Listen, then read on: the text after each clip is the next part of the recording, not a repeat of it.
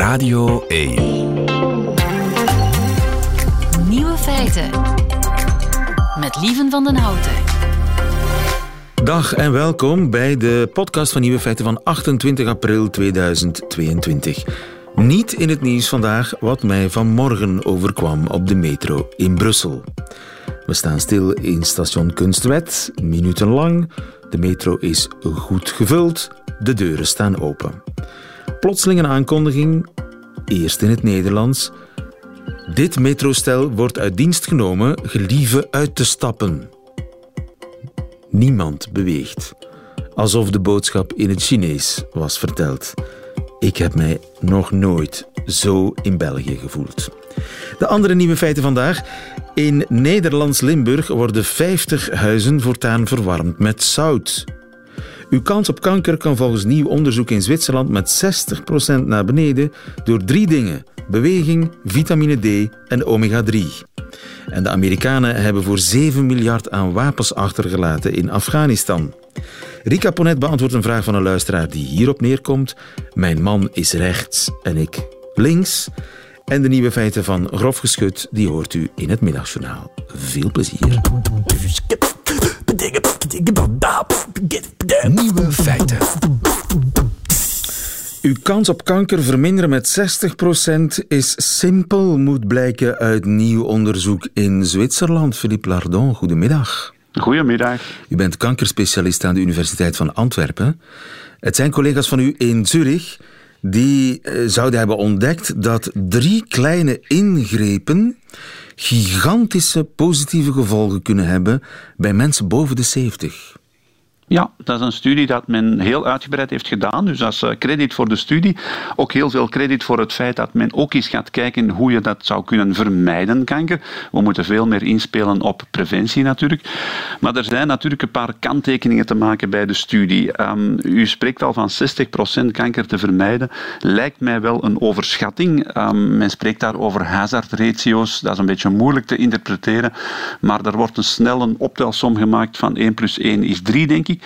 Maar goed, um, de studie onderzoekt eigenlijk de supplementaire toediening van vitamine D, Ja. uh, omega-3 vetzuren en beweging. En die drie gaat men combineren bij mensen van plus 70 jaar om te kijken of dat er effectief een reductie kan geven in uh, de kankerincidentie. Dus drie eigenlijk simpele dingen. Vitamine D, omega-3 vetzuren en een beetje bewegen. En bewegen. Laten we, laten we beginnen met dat laatste. Het is al, eigenlijk al een decennium duidelijk dat hoe meer we bewegen, hoe lager het risico op kanker wordt. En dat is echt een hele belangrijke. Um, men spreekt wel eens van hè, zitten is het nieuwe roken. Ja, het is echt wel effectief zo. Je moet veel bewegen om je lichaam in een goede conditie te houden. Daardoor gaat onder andere je afweersysteem beter werken. En dat heeft echt wel een positieve invloed op de, of de preventie eigenlijk van kanker. Ja. Dat en dat met name boven de 70 of voor alle leeftijden. Eigenlijk voor alle leeftijden. Men heeft hier de, de 70-plussers genomen, omdat daar effectief de incidentie van kankerontwikkeling hoger is. Dat is logisch, hè. kanker is een vorm van een ouderdomsziekte, maar eigenlijk geldt dat voor alle leeftijden. Ja. En bewegen, is dat dan eh, marathons lopen? En, en... Absoluut niet. Nee, nee, nee, dat hoeft geen topsport te zijn. Dat kan heel eenvoudig bewegen zijn. Um, gewoon kleine oefeningen, kleine wandeling, een fietstocht. Um, en dat is belangrijk genoeg. Nog, het mag hoor, topsport, maar dat hoeft in dit geval zeker Ja. niet zo. En die omega-3, is dat, dat, die kun je makkelijk je kunt die overal krijgen in van die pilletjes. Eh, dat is Ja. toch. eh, hebben ze daar heel veel van toegediend aan die Ja, mensen? men heeft wel een, een, een hoge dosis toegediend um, van omega-3 vetzuren en vitamine D. En men heeft dan allerlei combinaties gaan onderzoeken. Nu, we weten al wel wat langer dat vita bepaalde vitamine dat die een antioxidantwerking hebben. Dat wil zeggen dat ze schadelijke stoffen gaan wegvangen uit je lichaam, waardoor je effectief wel een iets lager risico krijgt op kankerontwikkeling. Ook van die omega-3 vetzuren is al gezien dat die effectief wel een licht beschermend effect kunnen hebben. Maar het is allemaal niet overdreven en je kan dat zeker niet extra extrapoleren naar 60% risicovermindering. Ja. En een tweede punt dat ik toch zou willen zeggen is van kijk, moet dat nu in supplement? Moeten we nu pillen gaan nemen van vitamine, 3, eh, vitamine D en omega-3 vetzuren? Dat hoeft niet echt als je een evenwichtige voeding gaat innemen hoor. Ehm, mijn, lot, mijn motto is altijd van ja, alles met mate en leef verstandig, gezond. Eet gezond, eet voldoende fruit en groenten. In dit geval wel regelmatig vis. Hè. In die vette vis zitten automatisch die omega-3 vetzuren en ook wel een stukje vitamine D. En laat vitamine D nu ook nog um, ja, door de zon eigenlijk veroorzaakt worden. En als we dan die beweging ook nog eens buiten gaan doen, ja, dan hebben we op een natuurlijke manier al twee vliegen in één klap, denk ik. En volgens de onderzoekers zou het vooral de combinatie van de drie zijn die een, een soort van exponentieel effect zouden hebben.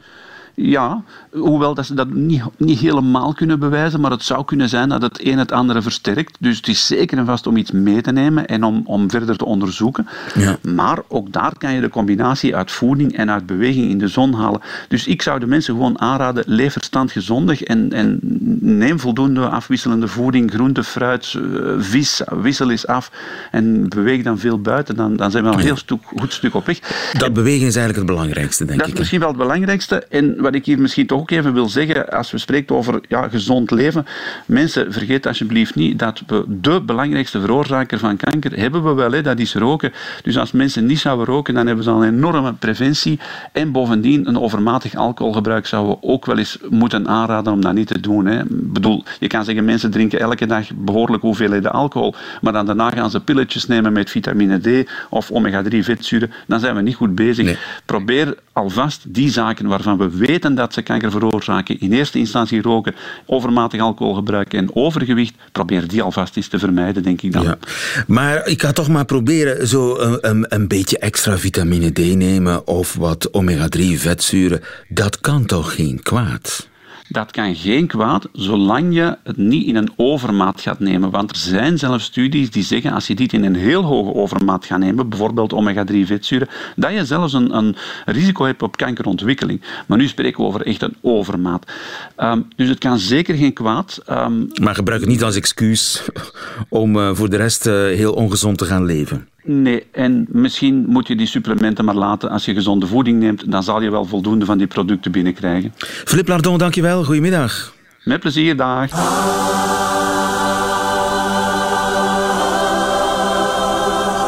Nieuwe feiten.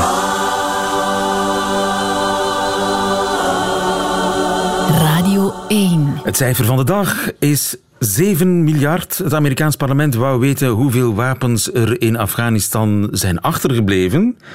En het antwoord op die vraag is voor 7 miljard dollar. Niels Duquet, goedemiddag.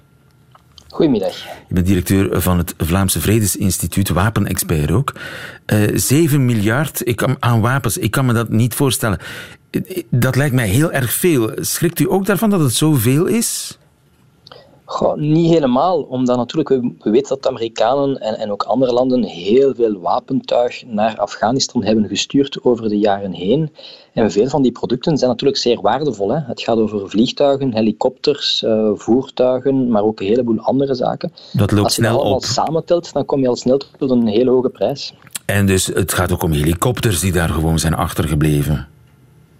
Ja, dat klopt. Um, nu, dat, dat is ja, iets wat natuurlijk logistiek gezien is het zeer moeilijk voor de Amerikanen om dat allemaal snel terug naar Amerika te brengen. Dus men, het achterlaten van materiaal, dat is iets wat we wel vaker zien. Dat is eigenlijk normaal. Als een leger zich terugtrekt. Dus helikopters zijn daar gebleven. Zijn daar ook tanks gebleven en militaire voertuigen?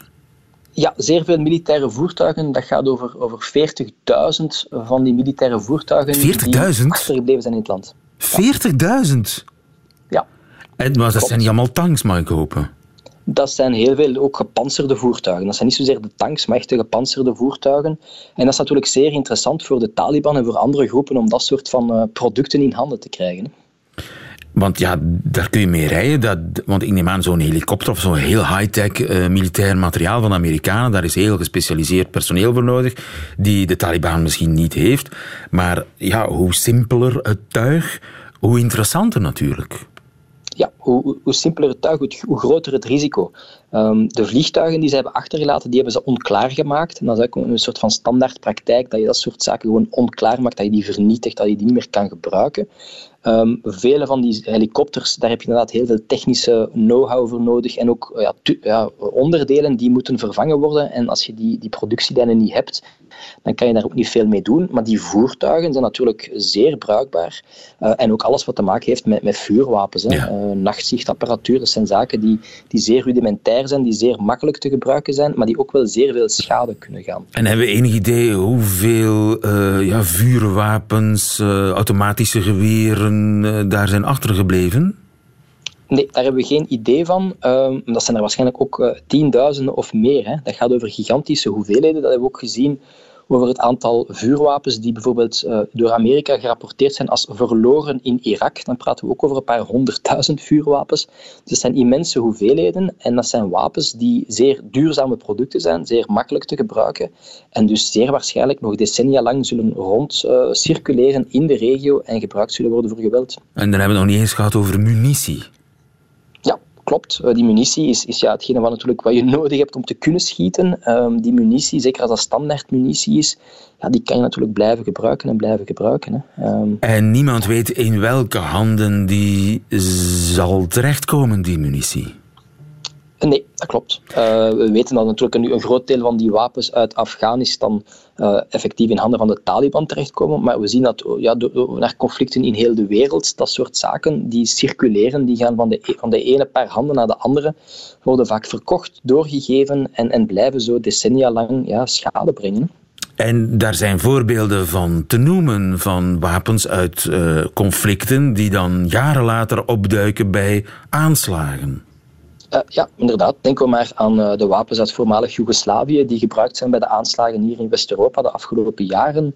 Uh, een voorbeeld te geven, het voor, de, de aanslagen bij Charlie Hebdo in januari 2015. Dat waren twee mannen gewapend met Kalashnikov-type wapens, waarvan we weten dat ze in de jaren 80 geproduceerd zijn geweest in voormalig Joegoslavië, geleverd zijn geweest aan verschillende elementen het Joegoslavisch leger, maar in de jaren 90 in het conflict verdwenen zijn en die dan later weer opduiken in de straten van Parijs. En het moeilijke is natuurlijk om te weten waar die wapens ondertussen geweest zijn. Zijn die de dag voor de aanslagen daar beland of waren die al tien jaar in Parijs?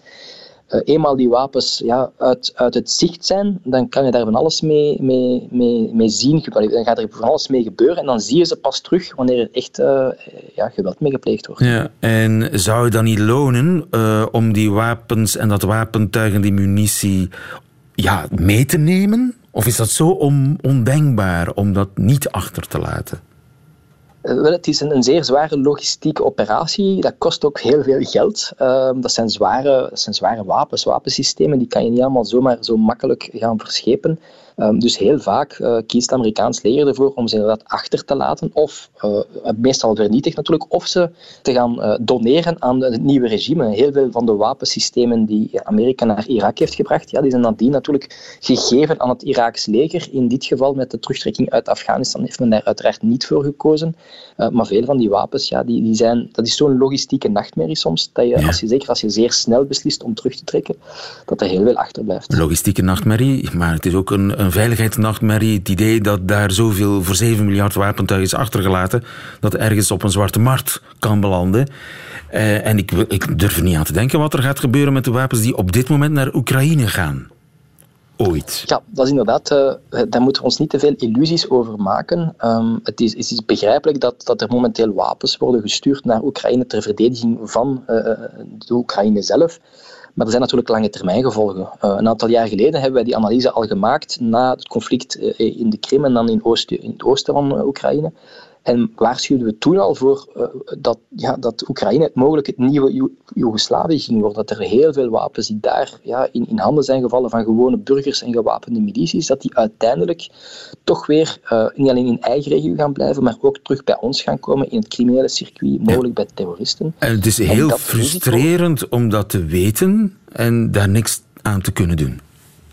Het is heel frustrerend, omdat inderdaad de situatie is nu nog erger geworden. Er zijn nog meer wapens en er is nog minder controle mogelijk over die wapens. We weten dat een significant deel daarvan gewoon onmiddellijk gaat verdwijnen. Uh, je kan daar een paar dingen aan doen, een beetje aan werken, maar niet onmiddellijk. maar het betekent wel dat van zodra dat daar natuurlijk vrede komt, en dat mag je, ja, zelfs als er morgen een, een vredesgesprekken zijn die volgende week leiden tot vredesakkoorden, het conflict en de gevolgen van dit conflict in Oekraïne gaan nog decennia lang meegaan. En daar praten we onder meer over die wapens die daar gaan blijven circuleren die elke poging tot vrede mogelijk kunnen hypothekeren in de regio en die nadien ook weer kunnen verscheept worden naar andere conflicten in de regio of die naar bij ons kunnen komen in het crimineel circuit. En je kan daar een aantal zaken aan doen. Dat betekent vooral samenwerken. Hè. Je moet met, met de Oekraïnse veiligheidsdiensten, van zodra dat dat mogelijk is, proberen uh, samen te werken. Maar je moet ook vooral zorgen voor een, voor een veiligheidssituatie. Dat die personen die momenteel die, die wapens in handen hebben, dat die eenmaal het conflict gedaan is, dat die zich hopelijk snel veilig kunnen voelen, dat ze die wapens niet gaan bijhouden om nadien te gaan verkopen. en dat je zo snel mogelijk die wapens terug naar het, ja, naar het oppervlakte brengt. Ja, dat is iets wat uh, niet vergeten mag worden. Niels Duquet, directeur van het Vlaams Vredesinstituut, dankjewel. Goedemiddag. Graag gedaan. Nieuwe feiten. Radio 1. Een huis verwarmen met zout. Zou dat kunnen? Volgens Olaf Adan wel. Goedemiddag, Olaf. Goedemiddag. U bent uh, hoogleraar toegepaste natuurkunde aan de Technische Universiteit van Eindhoven. Binnenkort start er een pilootproject zoutverwarming. Maar u bent al jaren met zout als uh, warmtebron bezig, hè? Ja, ik, uh, ik ben in mijn rol als, uh, als hoogleraar. Uh, daarnaast ben ik overigens ook nog hoofdonderzoeker bij de organisatie TNO in Nederland. maar de laatste twaalf jaar werken wij aan, aan dit concept. Ja. En ik begrijp dat eigenlijk niet zo goed, want zout, dat geeft toch geen warmte? Of heb ik iets gemist? Nou, de essentie uh, waar wij gebruik van maken is dat wij uh, zout, droogzout, verbinden met waterdamp. En op het moment dat waterdamp met dat zout verbonden wordt, dan komt er warmte vrij. En, nou, heel veel mensen hebben wel eens wat met gips gedaan. gips, dat is een poeder waar je water bij doet. En als je, dat, als je nou goed oplet, dan ontstaat er een nieuw uitgaard gips. Uh, maar daarnaast wordt dat ook een klein beetje warm. Dat is uh, een heel slecht voorbeeld feitelijk, maar geeft ongeveer aan wat er hier gebeurt. En uh, hoe werkt dat dan in de praktijk? Ik moet dan een, een hele hoop zout hebben en daar dan damp aan toevoegen. Ja, precies wat u zegt is, wij voegen waterdamp toe aan zout. en dat betekent dat vochtige, koude lucht zich met dat zout uh, gaat mengen. Dus we hebben een bed met uh, kleine deeltjes. Uh, dat waterdamp reageert dan met dat zout. Die lucht wordt droog, maar die lucht wordt ook warm. en die warmte uit de lucht die halen we dan uit met een warmtewisselaar en geven we af aan een verwarmingssysteem. En is dat iets wat je op individueel niveau huis per huis kunt installeren? Of is dat iets wat voor een hele wijk of een dorp of een straat moet gebeuren? Nou, in principe is de technologie uh, geschikt om dat zowel individueel als op grotere schaal te doen. Uh, wij kiezen juist voor het laatste. En dat betekent dat wij een, uh, zeg maar een wijkbatterij ontwikkeld hebben die we voeden met warmte die afkomstig is uit de industriële processen. En die wijkbatterij zelf is verbonden met individuele huizen. Dus we hoeven in, de, in de woningen zelf hoeven we eigenlijk vrij weinig te doen. En alles wat nodig is, gebeurt daarbuiten. Het is een soort uh, ja, stadsverwarming, hè, zeg maar, of dorpsverwarming, wijkverwarming, uh, waar uh, toch iets aan moet worden toegevoegd. Je moet restwarmte uit industrie halen, want ja, die restwarmte gebruik je dan om die damp te produceren, neem ik aan. Nee, de restwarmte, wij, uh, het, het mooie van de oplossing zoals we dat nu zien, is wij maken gebruik van warmte die er al gewoon is. En dat is in, in ons geval industriële restwarmte. Dat kan overigens ook gewoon andere warmte zijn, hè, die van, van zonneweiders afkomstig is. Maar wij kijken vooral naar restwarmte, omdat dat een enorm reservoir is. En dan praten we speciaal over lage temperatuur restwarmte.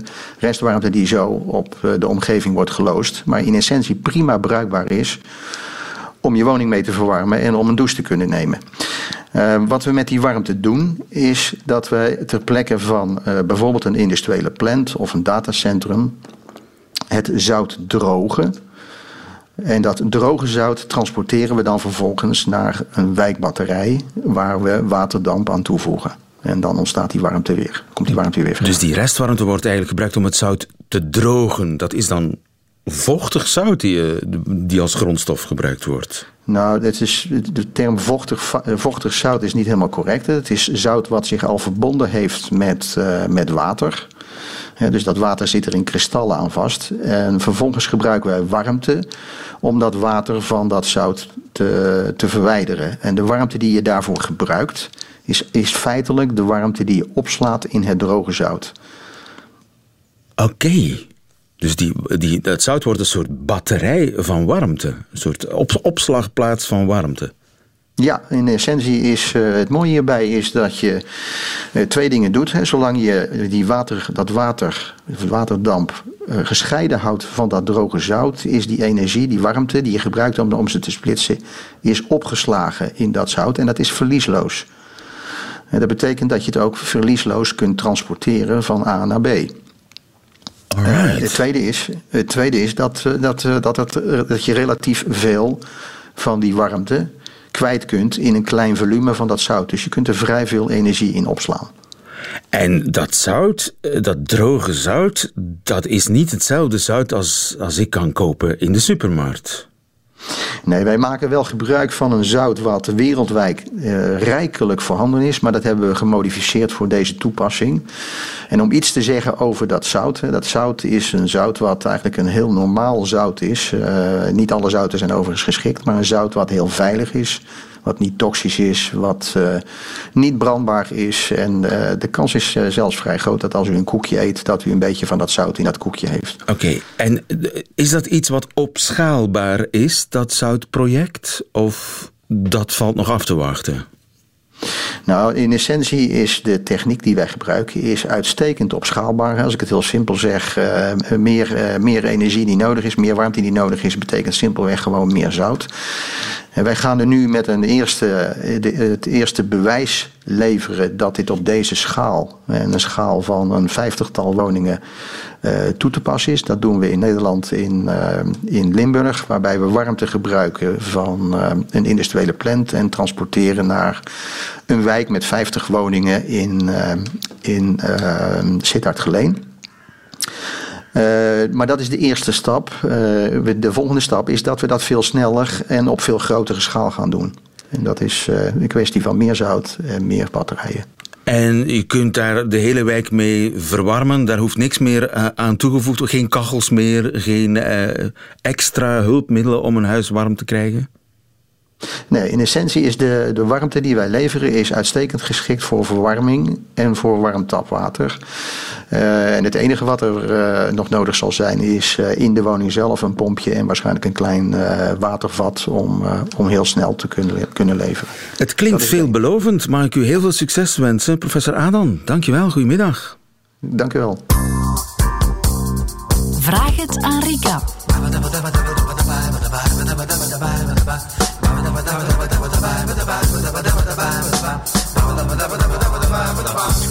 Het is weer donderdag en dan ontvangen wij relatiedeskundige Rika Ponet. Goedemiddag Rika. Goedemiddag. Die zeer bereid is om uh, al uw vragen te beantwoorden. Vragen in verband met relationele dilemma's en familiale knopen. Vragen die welkom zijn op uh, nieuwefeiten.radio1.be. En we hebben een vraag gekregen van de 43-jarige Anneleen. En Anneleen die schrijft... Wij zijn een links-rechts koppel. Hm. We agree to disagree en respecteren elkaars mening. In het begin van onze relatie, schrijft Anneleen, hebben we de grote lijnen van ons relationeel verleden onthuld, waarin ik vertelde dat ik ooit, 15 jaar geleden, de lakens gedeeld heb met een vrouw. Dat was toen even slikken voor hem, maar hij besliste om zich daar overheen te zetten. Sindsdien hebben we het goed samen, maar na drie jaar is mijn tussen aanhalingstekens losbandig verleden nu plots onaanvaardbaar voor hem en walgt hij van mij. Reden, hij zegt dat hij nu echt van mij houdt en dat hij daarom het niet kan verdragen dat een vrouw aan zijn vrouw gezeten heeft. Hij dwingt mij tot in detail heel mijn seksueel verleden bloot te leggen. Hij gaat daarbij zwaar over mijn grenzen. Hij houdt van mij en noemt mij een vuile slet. Moet ik dit mentaal huishoudelijk geweld ondergaan en hopen dat het wel weer voorbij gaat? Schrijft Annelien. Ja, Rika. Zwaar verhaal. Links-rechts koppel. Ja. Ik vind dat wel wat intrigerend als ze daarmee begint, want ay, wat is dat eigenlijk, zo'n links-rechts koppel? Lesbisch is links, kennelijk. ja, zoiets. Terwijl dat niet waar is. Losbandig. Losbandig, ja. Ja. Ja, ik denk als je mm, kijkt hoe mensen met eh, verschillen in relaties omgaan, dat er drie manieren zijn. En eh, wat zij omschrijft, dat eh, beschouw ik eigenlijk als de meest volwassen manier van met verschil om te gaan. Dat is dat eh, links-rechts verhaal. Eh, of we agree to disagree.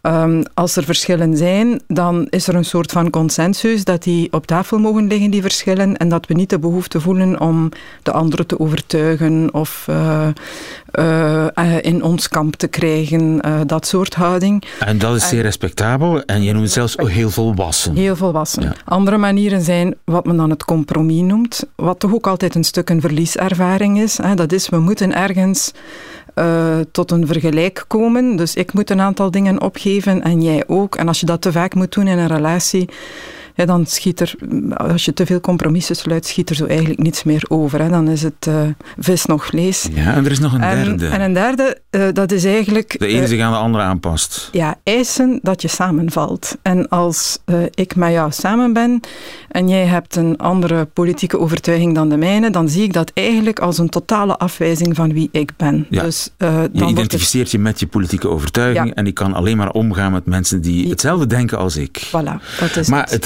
rare is, volgens mij is dit toch helemaal niet aan de hand in dit verhaal. Nee, Dit mij- gaat over een seksuele jaloezie Ja. op het verleden. Ja. Zo lijkt het wel. Nu, mij lijkt het vooral dat ze in het begin eh, die, zogezegd die afspraak gemaakt hebben, we agree to disagree, maar dat dat van zijn kant vooral een aanpassing was. Hè. Dat hij eh, een aantal dingen terzijde heeft geschoven, het behoorlijk moeilijk had met onder andere haar seksueel verleden, ehm, maar eh, dat zo gelaten heeft omdat hij heel graag wou dat de relatie werd bestendigd, hè, voortging. En zij zegt van, hij zegt nu dat hij het er heel moeilijk mee krijgt na drie jaar met mijn seksueel verleden. Eh, omwille van het feit dat hij mij nu graag ziet. Hè, dat, eh, dat er liefde in het spel is. En ik denk dat dat wel klopt. Hè. Ik denk wat hij aangeeft nu is. Mijn definitie van liefde, het eerste wat wij deden was een relatie starten. Vandaag zie ik jou graag.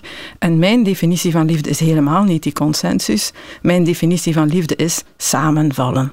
Die, dat- die symbiose. En dat betekent alles wat bij jou anders is dan wat eh, ja, deel uitmaakt van mijn identiteit, vind ik eigenlijk een gigantisch probleem. En daar loop ik op vast.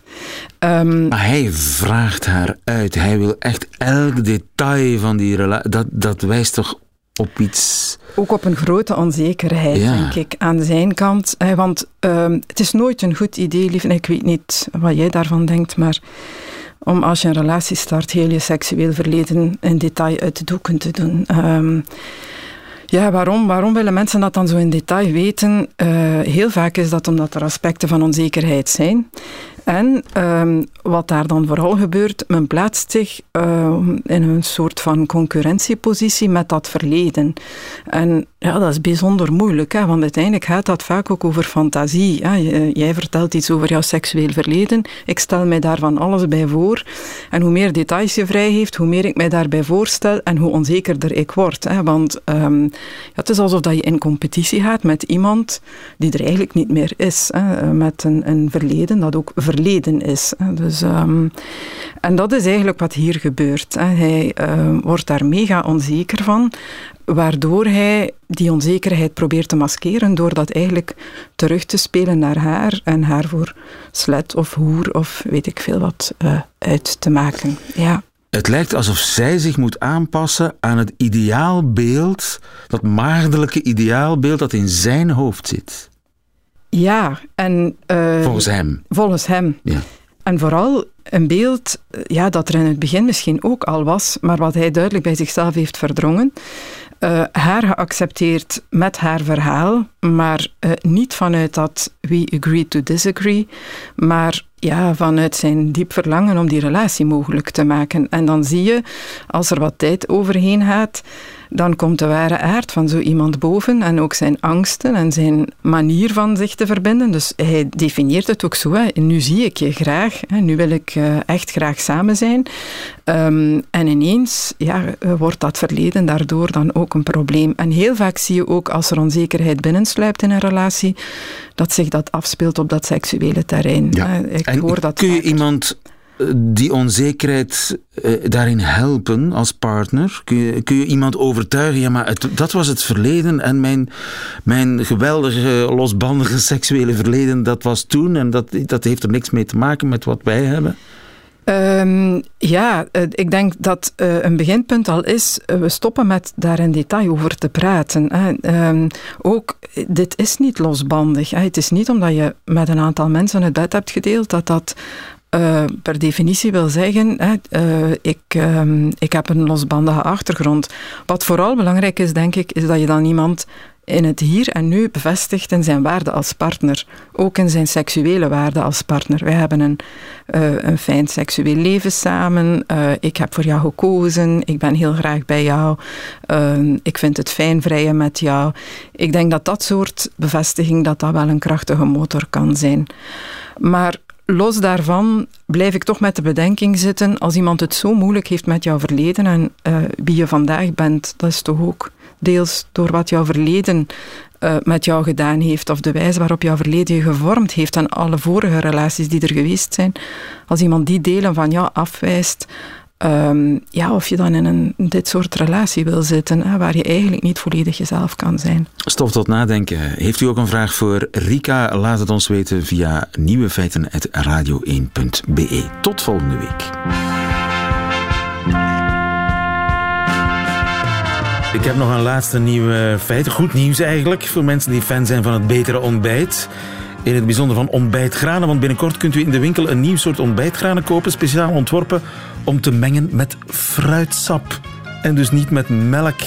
Het idee is afkomstig van het bedrijf Tropicana, dat in de VS de Nationale Fruitsapdag op 4 mei in de picture wil zetten. De ontbijtgranen worden op de doos beschreven als honing-amandelgranen, gebaseerd op granola. Bovendien zouden ze knapperig blijven, zelfs als ze lange tijd liggen te weken in fruitsap. Tropicana Crunch. Ze zijn er heel trots op. Uh, ik wil het eerst allemaal proeven, voor ik het geloof. Waarmee u alle nieuwe feiten gehad heeft van deze 28 april, behalve die in het leven van ons cabaretduo, Vlaams-Nederlandse cabaretduo, Grof Geschut. Dit is hun middagjournaal. Nieuwe feiten. Middagjournaal. Beste luisteraar. Morgen start de 36e editie van de Floraliën in Gent. Het thema dit jaar is Mijn paradijs, mijn wereldse tuin. Geïnspireerd door het lamgods van Van Eyck. En laat dat nu net een schilderij zijn waar onze lander helemaal wild van wordt. Niet alleen omwille van de maar liefst 75 verschillende soorten planten en bloemen op het middelpaneel, maar des te meer om het paneel dat ernaast hangt. Of beter, het paneel dat er al bijna 90 jaar niet naast hangt. En onze Sherlock Holmes is vertrokken. De rechtvaardige rechters, een van de grootste mysteries uit onze Belgische geschiedenis. Dagen aan een stuk is hij hierover bezig, lieve mensen. Onderweg naar elk theater waar we spelen declareert hij zijn nieuwe theorie en nieuwe ontwikkelingen in de vondst van het paneel. Ja, maar dat is toch ongelooflijk? Dat zijn Hollywood-waardige taferelen en mirten, die kunstroof. Je moet je voorstellen, het is 10 april 1934. Je bent de koster en plots merkt je op dat de rechtvaardige rechters niet meer naast het lam gods hangt in uw kathedraal. Gegijzeld voor losgeld en tot op de dag van vandaag spoorloos. Allee, als die koster er al niet iets mee te maken had. Hè? Want dat is ook nog een theorie natuurlijk. Oké, okay, rustig blijven ademhalen. Ja, maar dat is toch... Dat kan toch niet... Het, het, verbaast me eigenlijk dat Erik van Looy er nog geen filmscript van heeft gemaakt en doorverkocht heeft aan Liam Neeson. Helaas is het paneel, ondanks de detectieve skills van Lander, nog steeds spoorloos. Maar Beste luisteraar, spits uw oren. Onze Sherlock van Belgische bodem heeft zelf een theorie. Juist. Morgen start dus die Floraliën in Gent. Een van de grote evenementen tijdens die tien dagen vindt plaats in de Floraliënhal. Daar komt het lam gods tot leven. Meer dan 75 planten en bloemen, geschilderd op het lam gods, hebben ze in die hal geplant en staan daar nu te bloeien in al hun geuren en kleuren. Je zou bijna denken, ik voel me niet in België. Terwijl niets is minder waar. Hè. Die hele kleurrijke bedoeling is net van hier. Dat is net zo schoon aan onze flora. Dat is veel en veel gevarieerder dan de meeste Vlamingen denken. Je moet gewoon uw oogkleppen afzetten. Dus, je theorie? Juist. Uh, mijn theorie is dus dat het paneel gevonden is en verstopt zit tussen de bloemen en dat een toevallige passant daar het paneel morgen gaat vinden. U raadt het al, dames en heren. Bent u morgen van plan om naar Gent te trekken en de flora daar te bewonderen? Grote kans dat uw lander daar tegen het lijf loopt. Zijn maar zeker rechtvaardige rechters, here I come. Tot, morgen. Al ben ik dan misschien alleen, onze held is dan wellicht al in Gent. Ja, sorry lieve, de mens moet prioriteiten stellen.